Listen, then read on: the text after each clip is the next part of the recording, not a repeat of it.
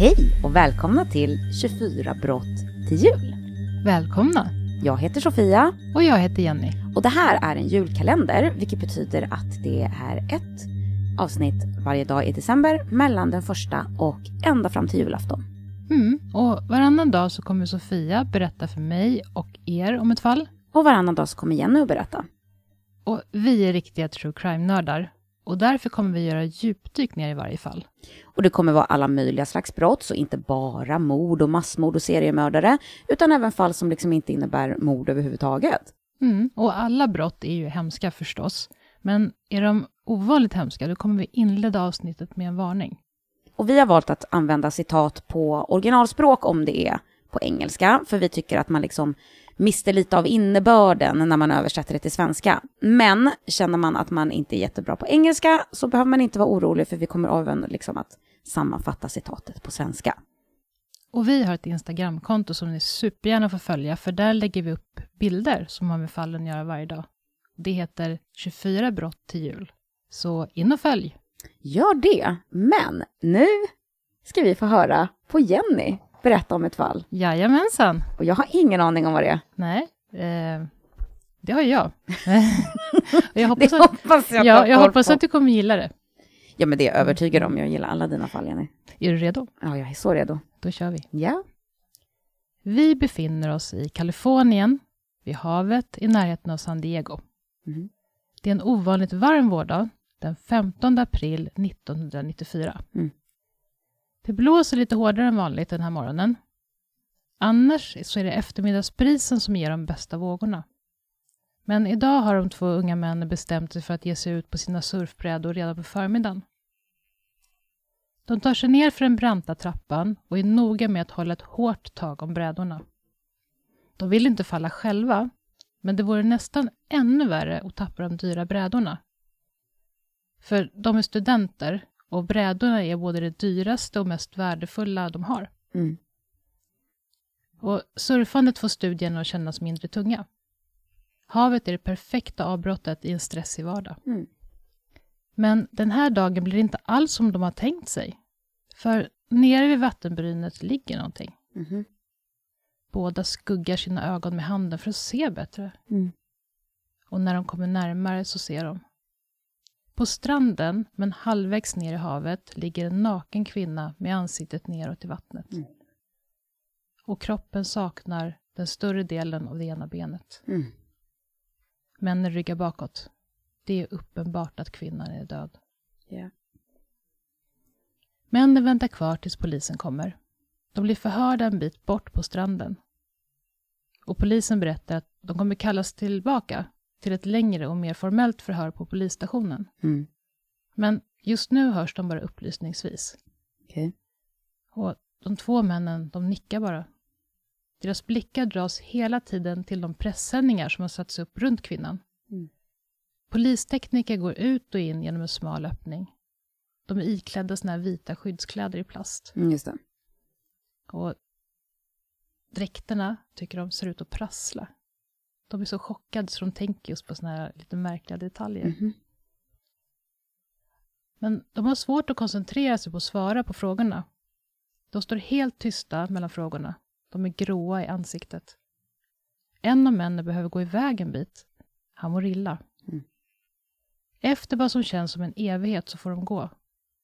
De går upp till bilen som de har parkerat vid sidan av vägen och först när de kommit upp för trapporna så inser de att de har glömt surfbrädorna på stranden. Åh nej. De tar sig ner och hämtar brädorna och sen åker de hem i tystnad till sin studentkorridor. Mm. De går in i sina respektive rum och stänger dörrarna om sig. När brottsplatsen är finkammad på spår och kvinnan är fotograferad från alla olika vinklar, då lyfts hon varsamt upp bår och täcks med ett tunt plastskynke. För att det gäller att göra allt för att inte förstöra några spår, eller att de får med sig Nej, någonting liksom på kroppen som Ja. inte hör till. Mm. När kroppen har kommit in till rättsläkaren Robert Engel Mm. beskriver han kvinnan så här. Det är en ung kvinna i 20-årsåldern. Hon är naken med ett armband i mässing och två ringar på ena handen. Hon har långt brunt välvårdat hår och en tatuering av en fjäril på ena axeln. Hon har långa sår på kroppen, som rivmärken. Och hud saknas på flera ställen. Mm. Och det är kvinnans högra ben som saknas. Rättsläkarens bedömning är att kvinnan inte legat i vattnet särskilt länge. För hade hon gjort det så hade hennes hud sett annorlunda ut. Just det. Men Dr. Engel han kan inte avgöra någon dödsorsak. Dagen efter så ska kvinnan obduceras grundligt av en annan rättsläkare, Dr. Brian Blackburn. Mm. Och Dr. Engel bestämde sig för att lämna fältet för dödsorsak helt tomt. Men inom sig så tror han att kvinnan har råkat ut för en hajattack. Mm. Dagen efter, den 16 april 1994, så kommer Dr. Blackburn in på Robert Engels kontor. De hälsar varmt på varandra. Det här är inte första gången de arbetat ihop och deras samarbeten brukar vara givande. Mm. Dr. Engel drar ut kvinnans kropp i kylrummet och de hjälps åt att föra över kroppen till undersökningsbordet. Mm. Dr. Blackburn konstaterar att det ben som delvis saknas, det är borta från mitten av låret och neråt. Mm. Dessutom så ser han någonting som Dr. Engel helt har missat. Kvinnans nacke är bruten. Mhm. Jag vet inte om hajar är kända för att bryta folks nackar. Nej, jag funderar på om det kan vara att den liksom skakar runt kroppen och så bryts nacken. Kanske, jag vet inte. Men det krävs kanske mer kraft än så. Ja, Ja. vet inte. Nej, men han beskriver i alla fall som att det ser ut som att hon har varit med om en fruktansvärd bilolycka. Okej. Hon har flera brutna revben och hon har skrapsår som jag sa och blåmärken över hela kroppen. Ja. Och hon har krossår i ansiktet. Som att någon har typ bankat på ansiktet med Ja. stora stenar eller någonting. Ja. De båda läkarna hittar sand i hennes mun, Mm. men inte bara där. När de söker vidare hittar de sand också i halsen Mhm. och i lungorna Mhm. och i magsäcken. Okej. De, de kan också dra slutsatsen att hon var vid liv när hon fick alla skador. När hennes Åh. revben böts, när hennes ben skars av eller hur det nu gick till. Det där undrar jag hur man kan veta. Det måste väl... När, när det inte är i vattnet, då kan man väl se hur mycket personen har blödit, Ja, eller jag hur? För att när den är död så blöder den inte lika Nej, mycket precis. efteråt. Men nu är det så att hon förmodligen då har dött i vattnet på något sätt, vad det verkar som. Och då vet jag inte. Ja, jag vet inte helt enkelt. Ja. Ja, ja. Mm. Och en sak som jag saknar information om, Mm. det är en väldigt viktig sak. Jag vet helt enkelt inte svaret på det här. Men rättsläkarna vet nu vem kvinnan är. Okej. Hon heter Michelle von Emster. Och det jag saknar, det är liksom hur och när kom de fram till det här. Ah, okej. Eh, Mm. Det har jag ingen aning om. Men hon heter i alla fall Michelle. Och Michelle hade sett Celie för sista gången morgonen innan klockan åtta. Och det här gör att rättsläkaren har en exakt tidpunkt att utgå ifrån. Okej. Eh, för att de tror att hon har dött ungefär vid midnatt. Mhm. Så då vet de liksom. Det, kan ha, det har hänt någonting däremellan. Genom obduktionen så kommer läkarna fram till att Michelle har dött någon gång runt midnatt, som jag sa. Mm. Så att de ska alltså kartlägga den 14 april från tidigt på morgonen till midnatt. Dr. Engels, han tror ju att Michelle har råkat ut för en hajattack. Ja. Och efter den grundliga obduktionen så kommer Dr. Blackburn fram till samma slutsats. Ja. Men det räcker inte för dem att de båda känner på sig vad som hänt. För att de har liksom inga faktiska tecken eller faktiska bevis som styrker att det har hänt. Det är Mm. bara vad de tror, deras uppfattning. Men mycket tyder på att det är en haj.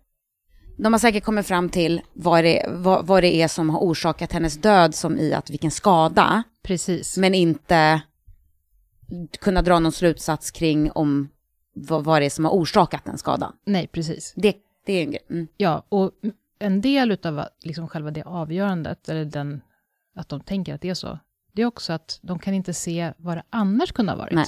Det är det. Uteslutningsmetoden kör Lite de. så. Ja. Men de tycker ju att ett utlåtande av en rättsläkare, det behöver man mer specifikt. Mm. Visst, ibland kan man inte avgöra hur eller varför en kvinna eller man har dött. Men de behöver ändå göra allt de kan för att de ska kunna skriva ner en dödsorsak i protokollet. Mm. De, vill liksom, de är väldigt engagerade de här två. De Mm. vill göra precis allt. Bra. De, de verkar jättebra. Så det här är också ett av de liksom, största skälen till att de respekterar varandra så mycket. Mm. Att de är lika på det sättet. Eh, för båda två drivs av någonting mer än att bara sköta sina jobb. De vill vara de perfekta rättsläkarna. De bästa. Och Dr. Blackburn, som är den som officiellt driver den här obduktionen, Ja. han kontaktar tre olika grupper av yrkespersoner Mm. för att de ska ge sin åsikt. Och de tre grupperna, det var livvakter, Mm. alltså badlivvakter, Ja, ja. Polisen som arbetar i hamnen Mm. och marinbiologer vid forskningsstationen som heter Scripps Institution. Och representanter från alla de här tre grupperna, de håller med de två läkarna. Och mer specifikt säger de så här. Mm. Michelle har blivit attackerad av en vithaj. Den har dragit ner henne till havets botten.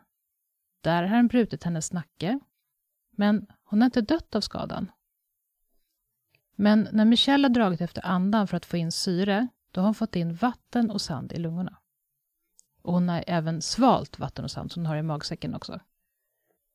Och att det var sand i vattnet, det förklarades med att vithajens häftiga och kraftfulla rörelser har liksom piskat upp, så att det blivit, ja, piskat upp sanden från botten, så det blivit grumligt. Jo, jo, men också för att hon har brutit nacken, tänker jag. Då Ja. måste det ju ha varit... Det, låter, ja, Ja, precis. det absolut. hänger ihop. Det hänger ihop. Eh, så det var det som var, ja, det är det alla tror. Alltså, och det här är så roligt, för jag, för jag älskar ju vatten. Alltså jag älskar Ja. att typ dricka vatten, hoppa i vatten, Ja. duscha i vatten, bada Ja. i vatten, eh, simma i... Alltså du vet, segla på vatten. ja, Jag är ju vattenmänniskan liksom.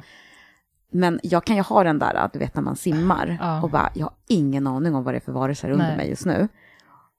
Och ibland kan ju det vara liksom i någon så här badsjö och bara, sluta Sofia. Nej, Är det i Sverige Och- badsjöar så är det ju mörkt vatten. Det är ju det, det är ju det som är grejen liksom. Men det är ju superlöjligt, men, men jag erkänner, det är jag. Jag är den personen. Så det här Du vill inte höra den här ju bara på Ja. min skräck liksom. Dra Förlåt. ner till havets botten. Ja, Och beroende på hur djupt det är så kan man ju inte klara det trycket. nej. Nej, hon hade ju inte någon chans på något, på något sätt. Vad de tror i alla Mm. fall.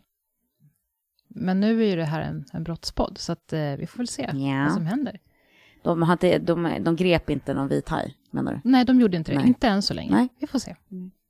I havet en bit utanför platsen där Michelle hittats så består botten fortfarande av den finkorniga sand som stranden är täckt av. Och det är lite ovanligt, för att på många ställen ut med kusten i Kalifornien så liksom övergår sandstranden till lite mer grovt grus och stenbotten. Mm. ganska snart. Men just på den här platsen så är det liksom sand långt, långt ut. Är det Och- långgrunt? Det är långgrunt också. Mm. Och så ska man tänka på att hon har alltså, det här har hänt vid midnatt tror jag. Mm. Vithajen hade slitit av Michelles ben och sen hade hon dött av antingen blodförlust, och det går ju fort om man får ett ben avslitet, Ja, och jo. samtidigt om man kämpar för sitt liv och rör sig mycket, då pumpar ju blodet ut väldigt fort. Ja. Eller så dog hon av drunkning, Mm. Vilket som gick snabbast liksom, av Mm. de två. Men hade hon inte dött av det ena så hade det andra hänt också. Liksom. Ja, precis. Och nu är Dr. Engels och Dr. Blackburn nöjda.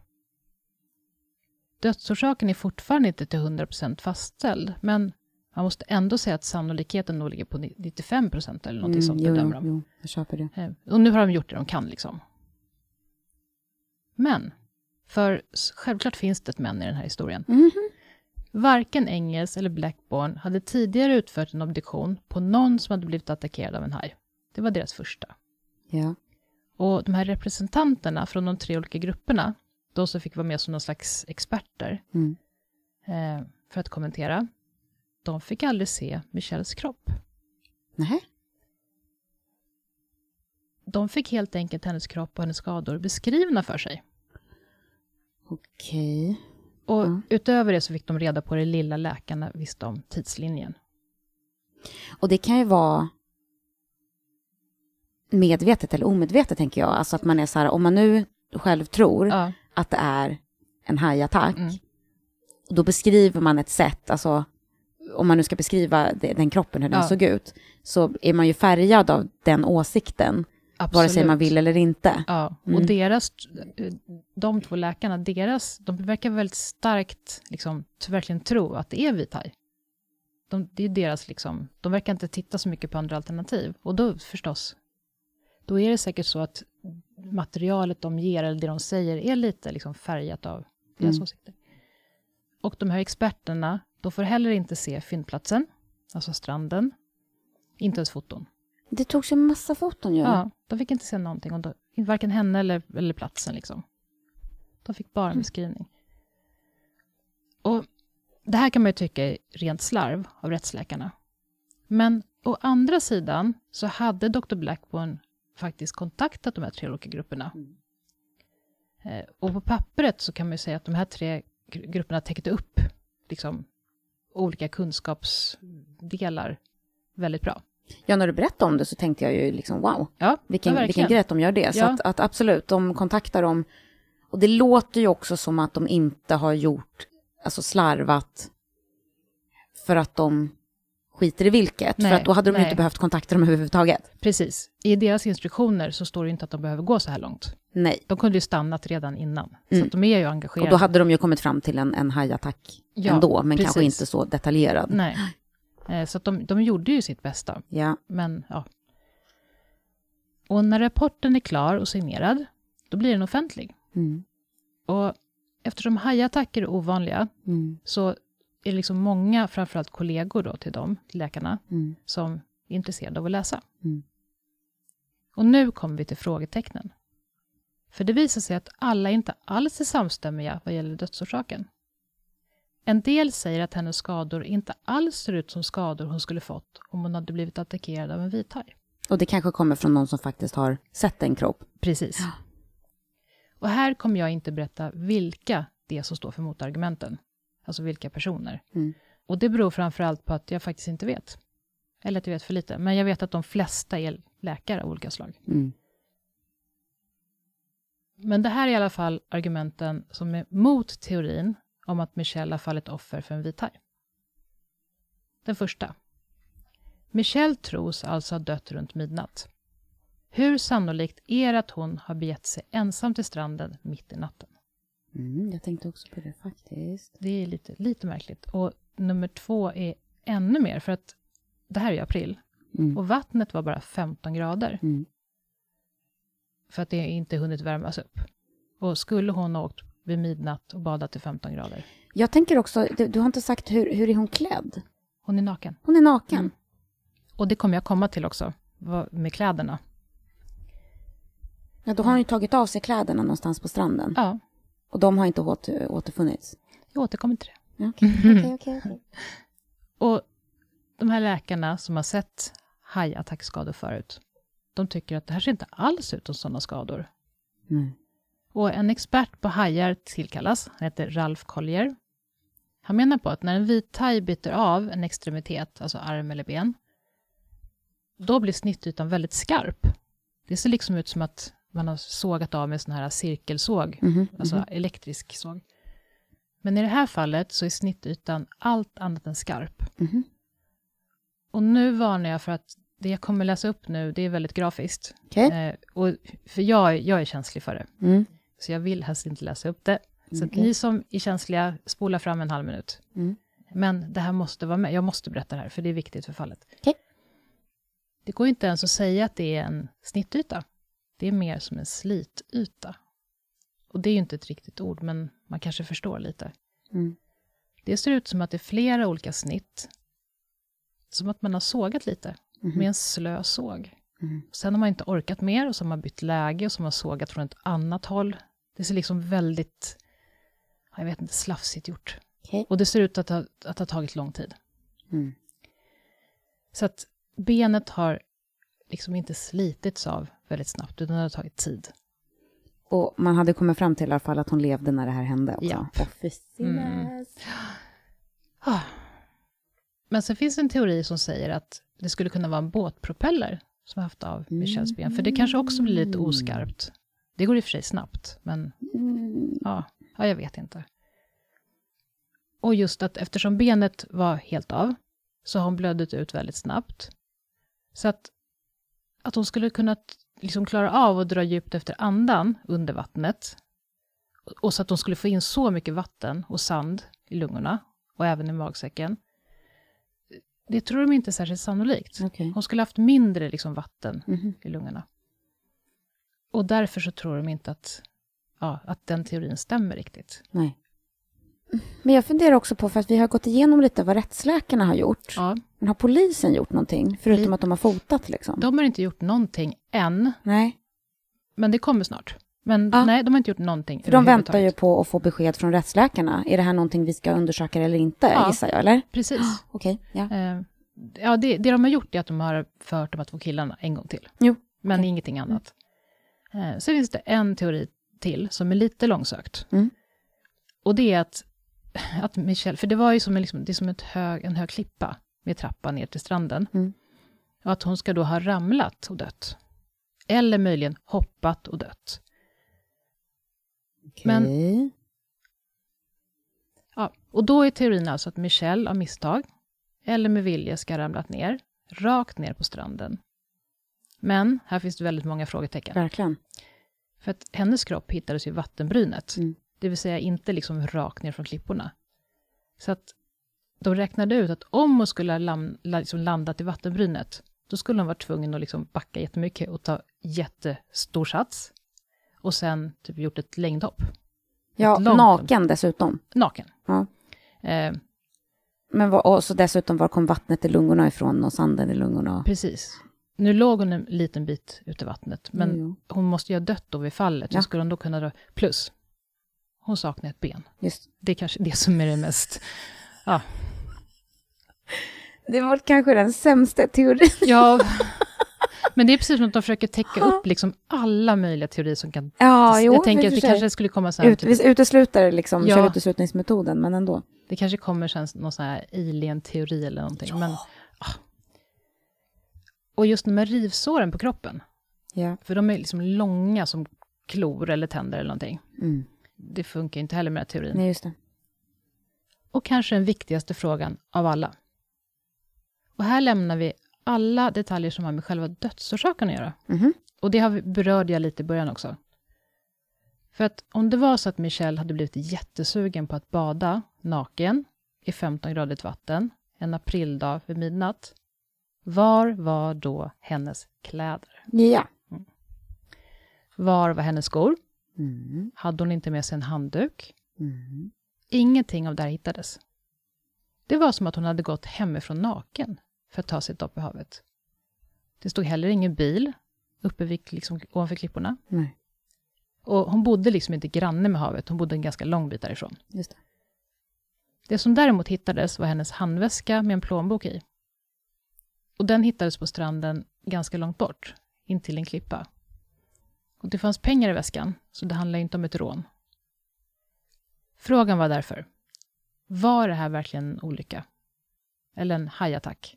Mm. Eller att hon hade ramlat från klipporna? Mm. Eller var det i själva verket ett mord?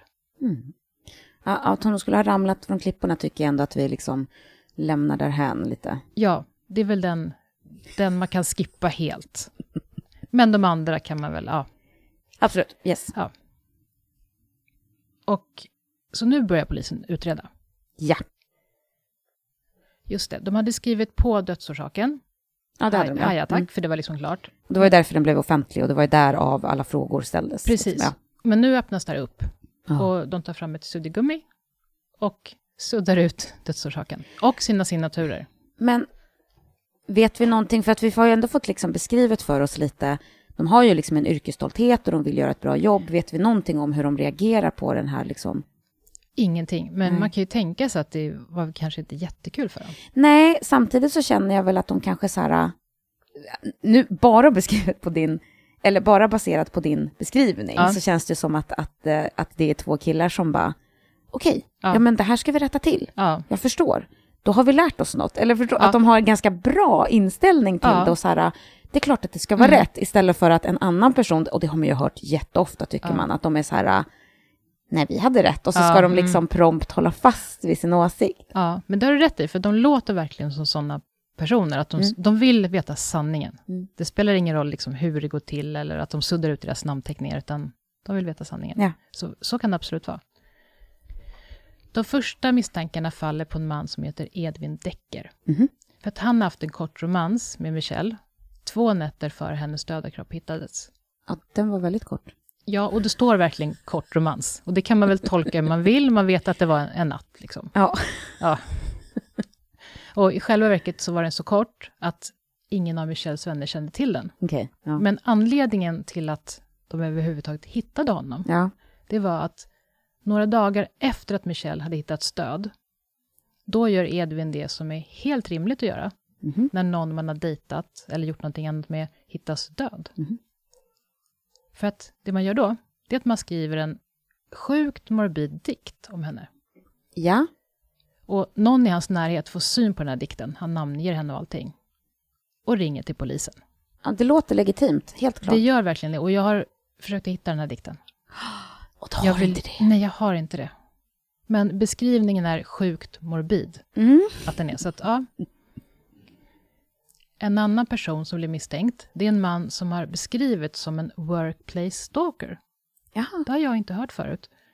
Eh, och det här är en ganska märklig historia. För att en av Michelles tidigare arbetsgivare är en affär där de säljer kontorsmaterial. Ja. Alltså typ pennor och pärmar och papper och sånt.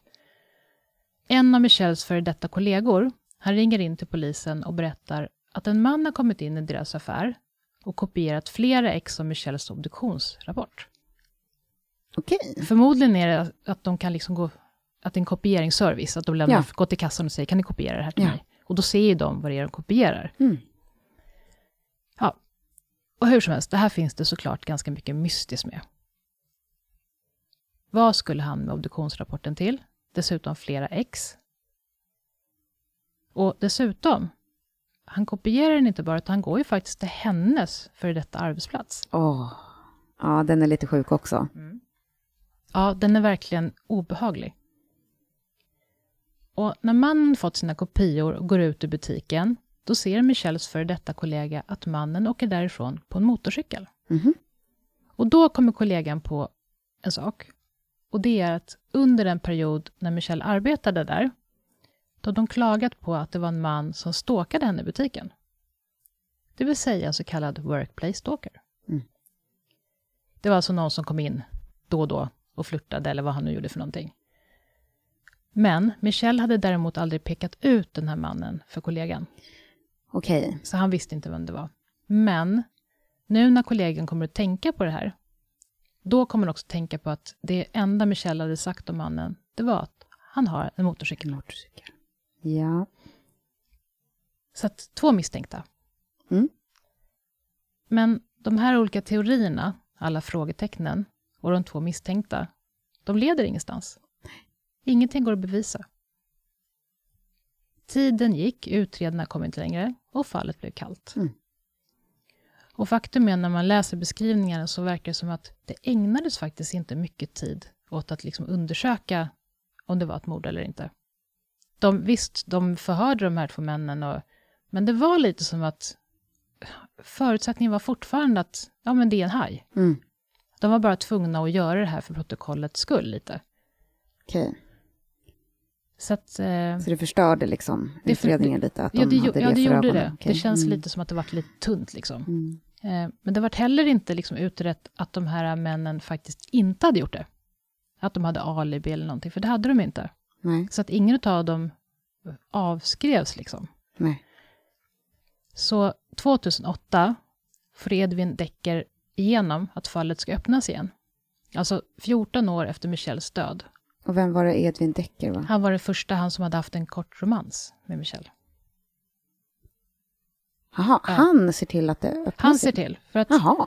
eh, det hade aldrig hittats ett enda bevis för att han var skyldig, Nej. förutom den där dikten då. Och han hade inget alibi. Men det här hade liksom legat som en skugga över honom i 14 år. Ah, han ser Ja. till för att han vill få sitt namn eh, liksom rentvått. Ja, Ja. för att han tyckte liksom fortfarande efter 14 år att folk tittade ibland lite snett Mm. på honom. Och det, kanske, det var säkert kanske inbildning, men han hade ju det där i sig att han aldrig blev liksom avskriven. Nej.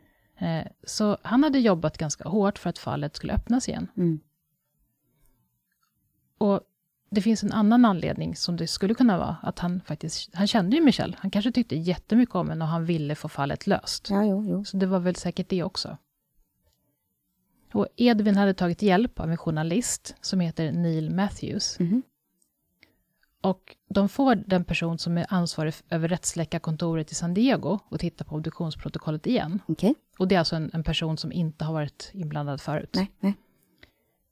Och han håller med om att det finns en del konstigheter. Mm. Det är saker som inte stämmer överens med teorin om vithajen. Precis som vi har tagit upp tidigare. Jag måste bara säga, Ja, om du kommer fram till i slutet av det här avsnittet Ja. att det är en olycka och Ja. ett djur i havet, Mm. då blir jag ganska besviken. Det är ju hemskt att säga i och för sig. Ja, jag, jag Ja. önskar att det är ett mord, Mm, men nej, man hur? blir lite så här, för jag sitter verkligen på nålar nu, och så, så bara, nej det var en bla bla bla i havet. Vi får se. Vi, Ja. jo.